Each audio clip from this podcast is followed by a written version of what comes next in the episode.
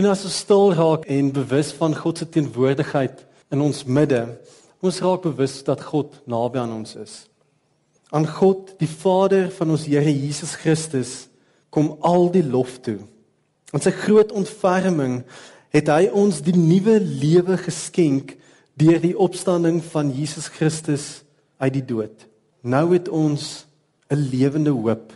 Mag God die bron van hoop julle deur julle geloof met alle vreugde en vrede vervul sodat julle hoop al hoe sterker kan word deur die krag van die Heilige Gees. Amen. Vanoggend het ons die ervaring dat God ons groet en wat 'n gemeente dan doen is ons reageer deur God terug te groet. En ons doen dit met musiek.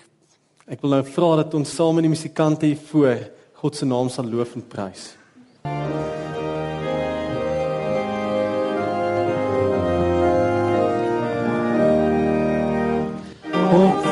vaste fundamente het God sy kerk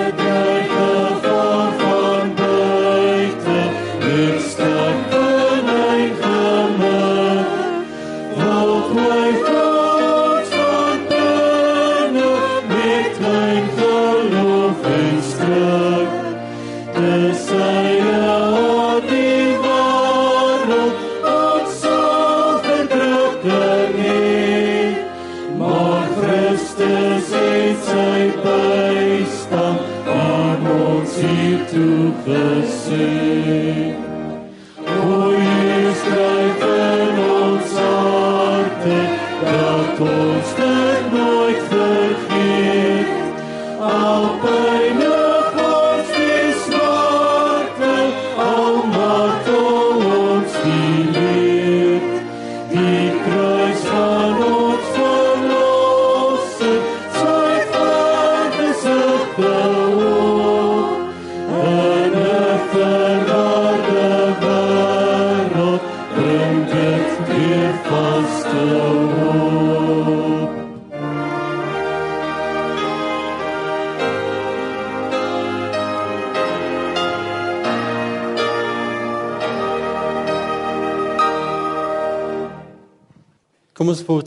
Bid ons saam.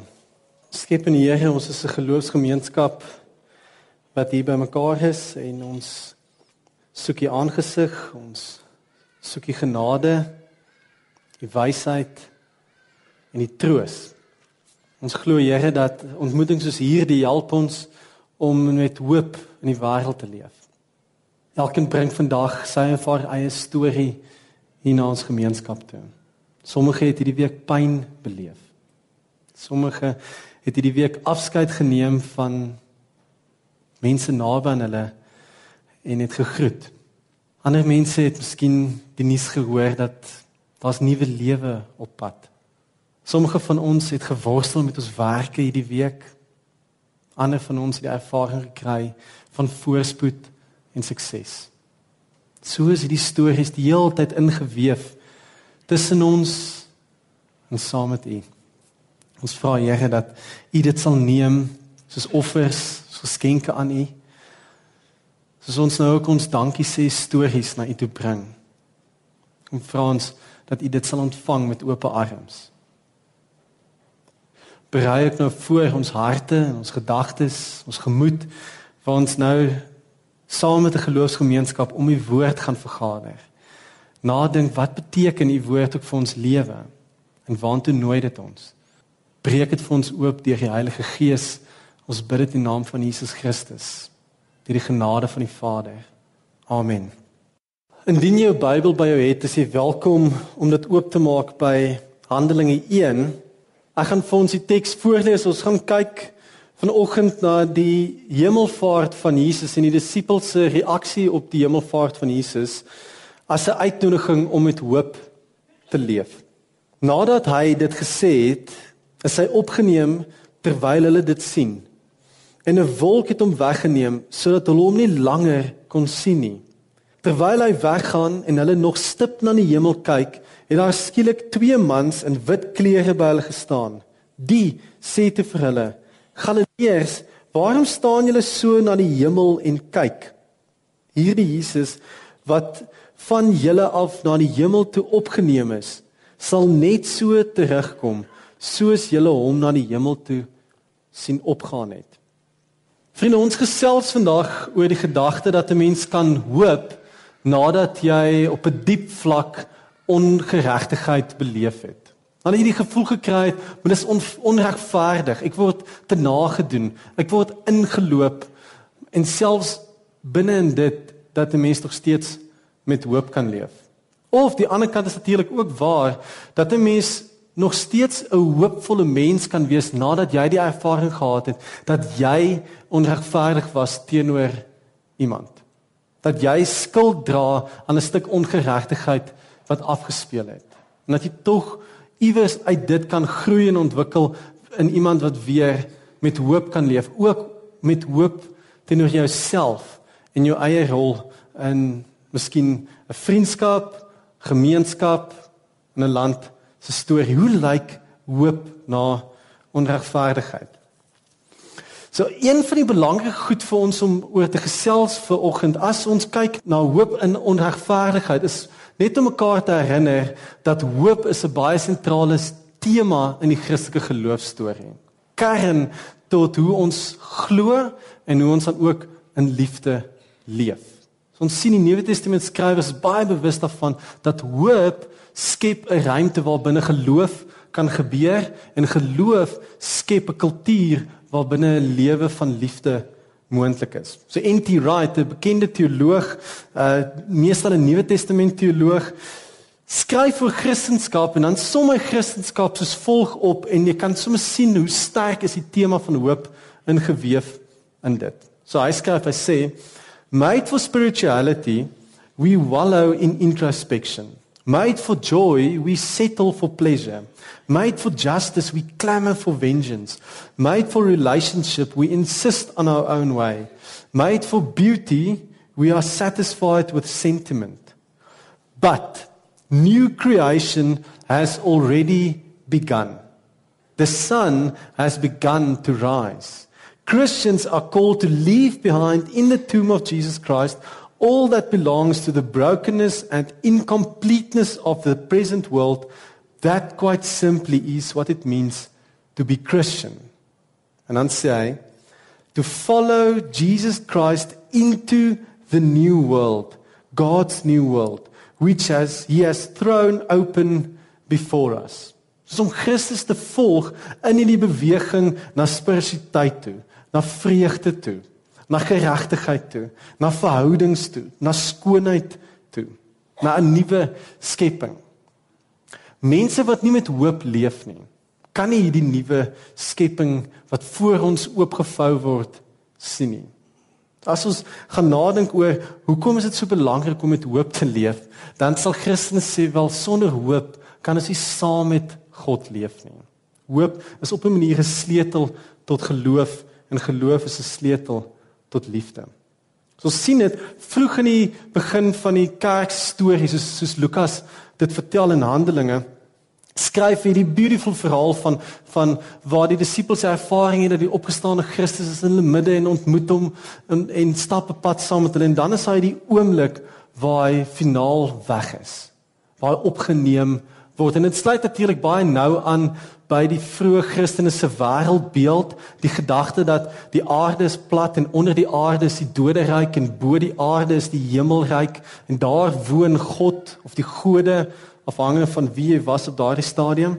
So as Christus dan opgevaar het na die hemel toe, dan sit op. Hè? Op so hulle het hierdie storie wat dan afspeel. Vandag weet ons dink ons 'n bietjie anders oor hoe die skepping werk en hoe die planeet werk en hoe die die kosmos aan mekaar gesit is, maar tog is dit nog steeds binne ons taal gebruik, né? Jy sal sien, miskien 'n uh, uh, ouer persoon, 'n boer baie keer sal sê ja, dit sal reën as die man daarbo dit toelaat of mense sal sê dis maar net genade van bo. Soos ook steeds iets in ons gedagtes wat wat afspeel as hierdie disippels dan staar na die hemel. Die opvaring van na die hemel gebeur en die disippels bly agter en hulle staar na die hemel en dan kom die twee mans en vra waarna kyk julle? Waarna staar julle so na die hemel? Hoekom kyk julle so na die hemel? En dan kom maar hierdie uitnodiging om te sê wel soos wat hy weg is, so gaan hy terugkom. Ons dan 'n uitnodiging om met hoop te leef. So aan die een kant ontmoet jy twee mense of 'n paar mense wat verslae toe kyk na 'n leë hemel soos Eugene Peterson dit vertaal en dan kom die boodskappers van God en verwoord dit nie na verslaandheid nie maar na hoop. En sê goed, kyk na die hemel met 'n verwagting. Kyk na die hemel met 'n gedagte dat Christus weer op pad is. So hoop is 'n sentrale deel van ons storie. Nou as ons dan ver oggend gesels oor hoop binne in ongeregtigheid, dan weet ons dat ons land se storie is 'n storie van ongeregtigheid.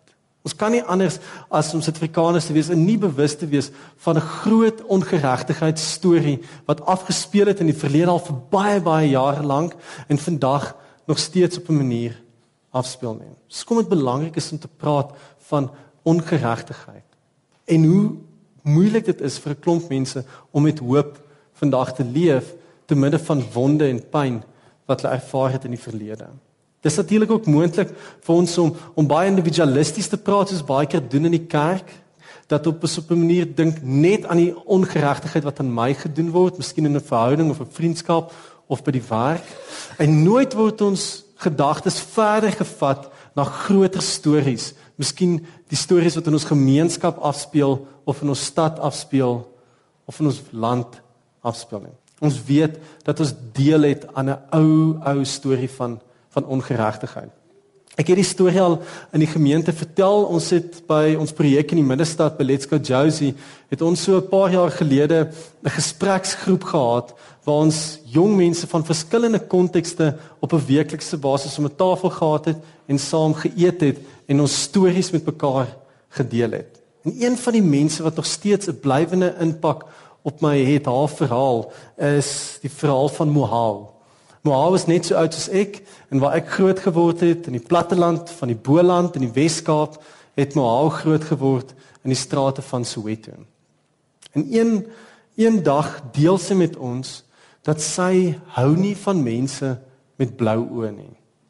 Sy hou nie van mense met blou oë nie. Sy weet nie hoekom nie. Sy kan nie dit pinpoint nie, maar sy het 'n 'n wantroue as sy iemand ontmoet en daardie persoon is wit en het blou oë. Sy kan nog blanke mense met donker hare en bruin oë kan sy hanteer, maar om een of ander rede as sy hierdie blok na oor mense met met blou oë. En toe ons saam met haar 'n bietjie nadink oor haar storie, toe begin sy ontgin dat die eerste kontak wat sy gehad het met wit mense in die 80s was polisiemanne wat die strate van Soweto gepatrolleer het. So iewers het sy 'n dogtertjie 'n oomblik gehad met 'n man met blou oë. En dit het 'n 'n blywende indruk op haar gemaak dat sy tot vandag toe nog steeds sukkel om om oor die gedagte te kom van iemand met blou oë. Mohau se verhaal speel af in ons midde. Mohau se verhaal speel ook af in ons eie gemeente se storie. Mense wat dalk onlangs in 'n gewapende roof was. Mense wat dalk onlangs ehm um, seer en pyn beleef het van wat iemand anders aan jou dogter of aan jou kind of aan jou vrou of aan jou man gedoen het. En sedertdien sukkel jy om 'n sekere persoon, 'n sekere figuur, 'n sekere beeld, 'n sekere prentjie te kan vertrou. Om daarna weer te kan leef met hoop. Hierdie stories is oral in ons land. Dit speel af in swart gemeenskappe en dit speel af in wit gemeenskappe. Soos byvoorbeeld die onlangse geval van wat in Marikana gebeur het, bietjie naby aan ons middehou. As jy dink aan hoeveel gemeenskappe vandag nog hierdie ervaring het van ongeregtigheid. En hoe moeilik dit is om binne dit met hoop te leef. Navorsing wat gedoen is sedert 1994 met Afrikaanse gemeenskappe, spesifiek wit Afrikaanse gemeenskappe, wys dat ehm um, sulke gemeenskappe het na 1994 die ervaring gehad van van chaos, van verlies, displacement is een van die Engelse woorde wat gebruik word. 'n Bekende akademikus by Wits Universiteit, Melissa Stein, het dit in haar navorsing uitgelig. Auntie Krog het dit in haar boek ook uitgelig dat daar is hierdie gevoel van ons het verloor, ons het verlies, ons het pyn. Ek weet nie waar my plek is nie. Nou dit is nie weet draai van die van die millennium en miskien 'n paar jaar gelede en dalk is dit in jou eie storie al al anders. Maar as 'n gemeenskap moet ons ook verstaan dat hier's mense in ons midde wat 'n gevoel het van hooploosheid. Gevoel het van erge verlies. En dan is daar verskillende maniere hoe ons weer met hoop probeer leef hoe ons weer op 'n manier ons plek vind en sin vind en betekenis vind. En ek wonder maar net baie keer as ek luister na die gesprekke en ek kyk na hoe ons leef en wat ons doen, dan sou ons vanoggend op hervorming Sondag mekaar kon vra, vind ons ons hoop in die koninkryk van God wat afspeel in ons midde. Vind ons ons hoop in Christus wat ons nooi op 'n dieper manier van leef of vind ons ons hoop in ons um inkomste, in ons graad, in ons opvoeding? In ons private sektor, in ons private hospitale, in ons private skole en ons vermoë om groot mure en heininge om ons te bou. Ek wonder wat sou die ou reformatore van ons vanoggend gevra het oor waar lê ons hoop eintlik vandag. Ek het 'n besonderse teoloog gelees op pad na vandag toe Jean Venier, hy's 'n Jesuit priester wat 'n hele klompie jare gelede 'n uh, beweging begin het, Laak Communities. Dis daai huise vir gestremde mense, verstandelik gestremde mense regoor die wêreld. Die bekende teoloog Henry Nouwen het ook op 'n stadium by een van hierdie gemeenskappe gebly en gewerk en van sy beste werk het Henry Nouwen daar geskryf. En en wanneer skryf oor die pyn wat families beleef wanneer daar 'n lid van 'n gesin aan erge erge gestremdheid ly, spesifiek verstandelike gestremdheid en geestesversteurings wat rondom dit is en hoe kompleks die verhoudings baie keer lyk en hoe dikwels die gevoel is van pyn en seer en verlies en dat ten minste nagekom word. Dat dit onregverdig is dat mense so moet suffer, dat mense so moet ly. Wat hy dan wys is hy sê dat vir mense om met hoop te kan leef is vergifnis nodig. Veral wanneer daar een of ander vorm van pyn of seer of ongeregtigheid gebeur het. So as ons probeer dink hoe lyk hoop na onregverdigheid, dan moet ons vanoggend gesels oor vergifnis. Hoe vergewe Mohau die polisieman van haar verlede wat nie meer bestaan nie, wat iewers in haar verlede nog vasklou in haar gedagtes. Hoe vergewe sy daardie persoon sodat sy vir my wat saam met hom op 'n tafel kan sit wat ook blou oë het, kan liefkry. Hoe doen sy dit?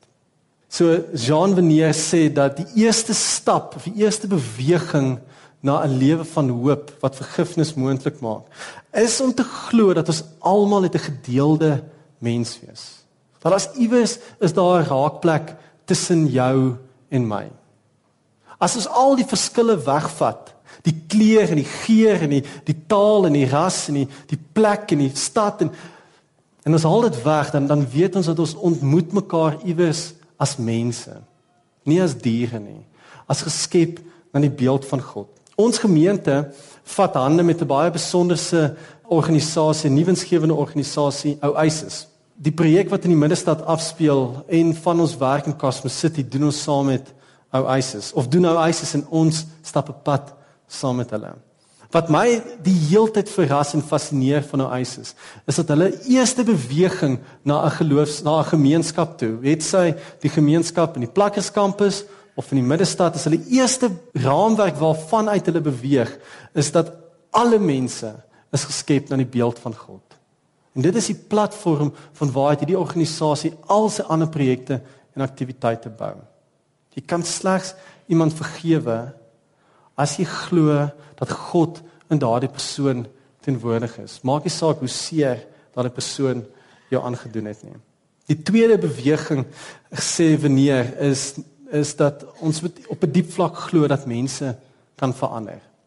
Dat as God met mense doenig is, is daar nog hoop. Dat wat ek nou hier voor my sien is nie die laaste sê oor die persoon se lewe nie. En dis waar vir myself ook. As ek gaan vergifnis vra, as ek droog gemaak en ek gaan sê ek is jammer, dan wat ek eintlik vir die persoon vra is, hoor jy, gee my nog 'n kans. Ek weet ek kan beter.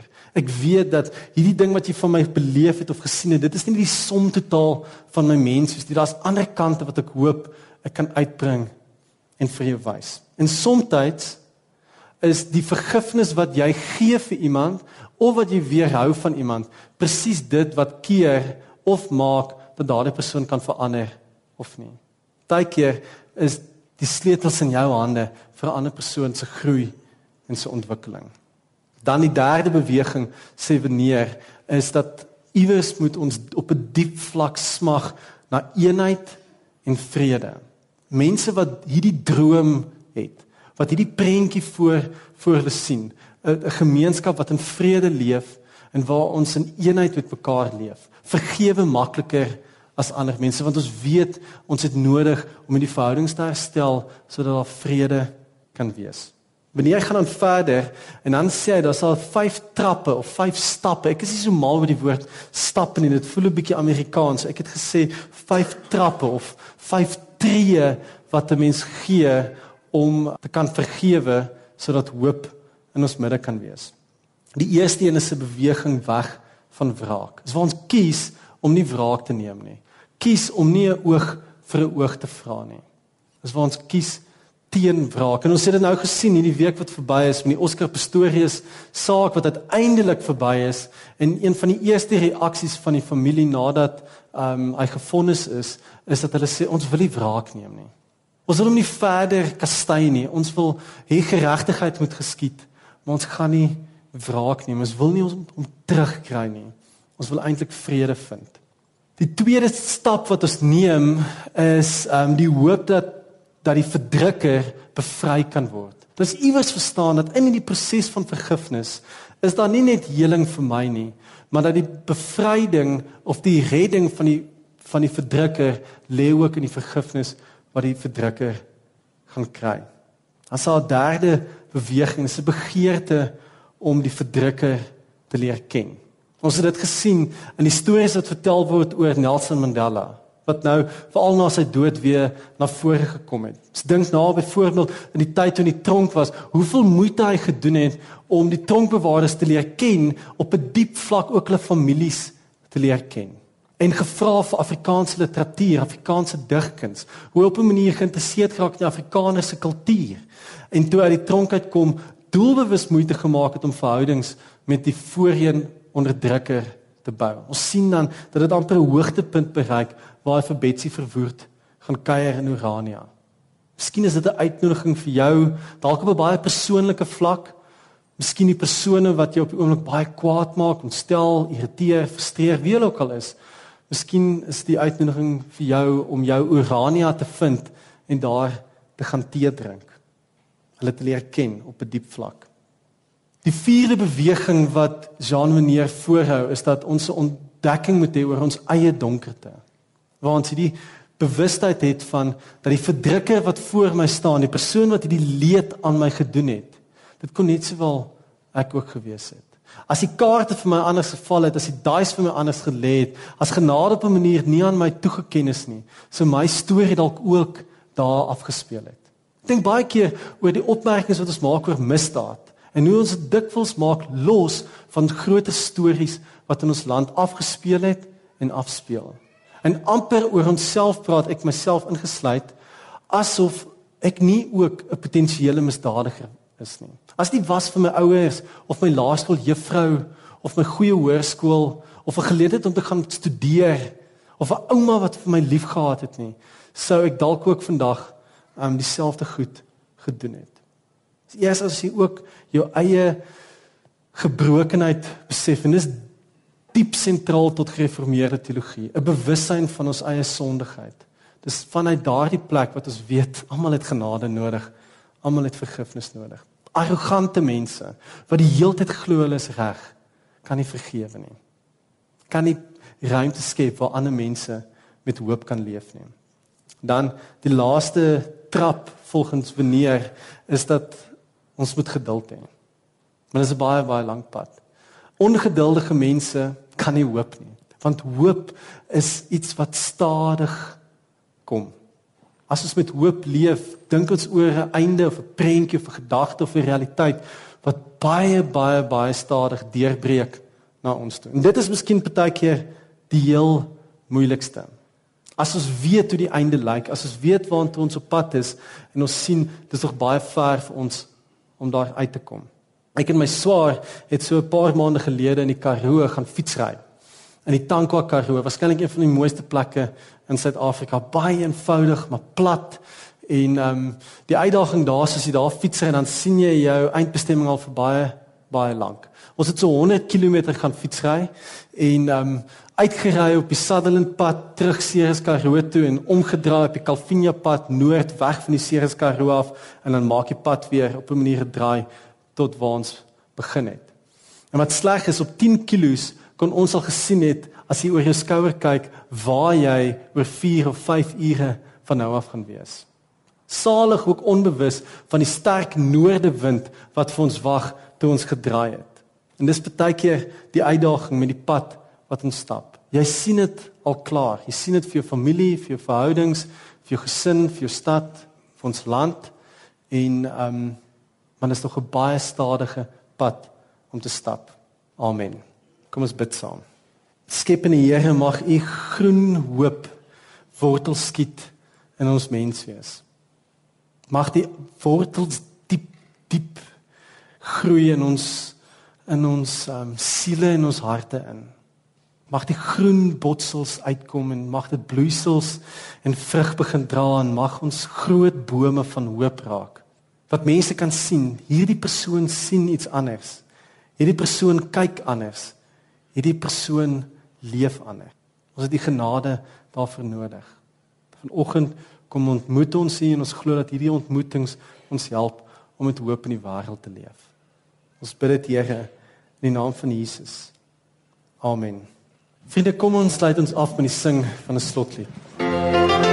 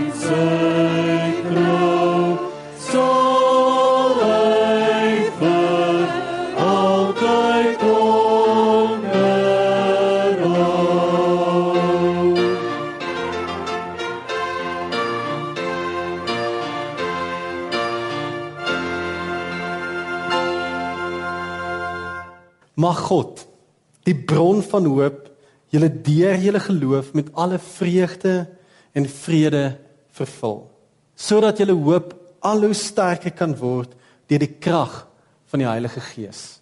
Amen.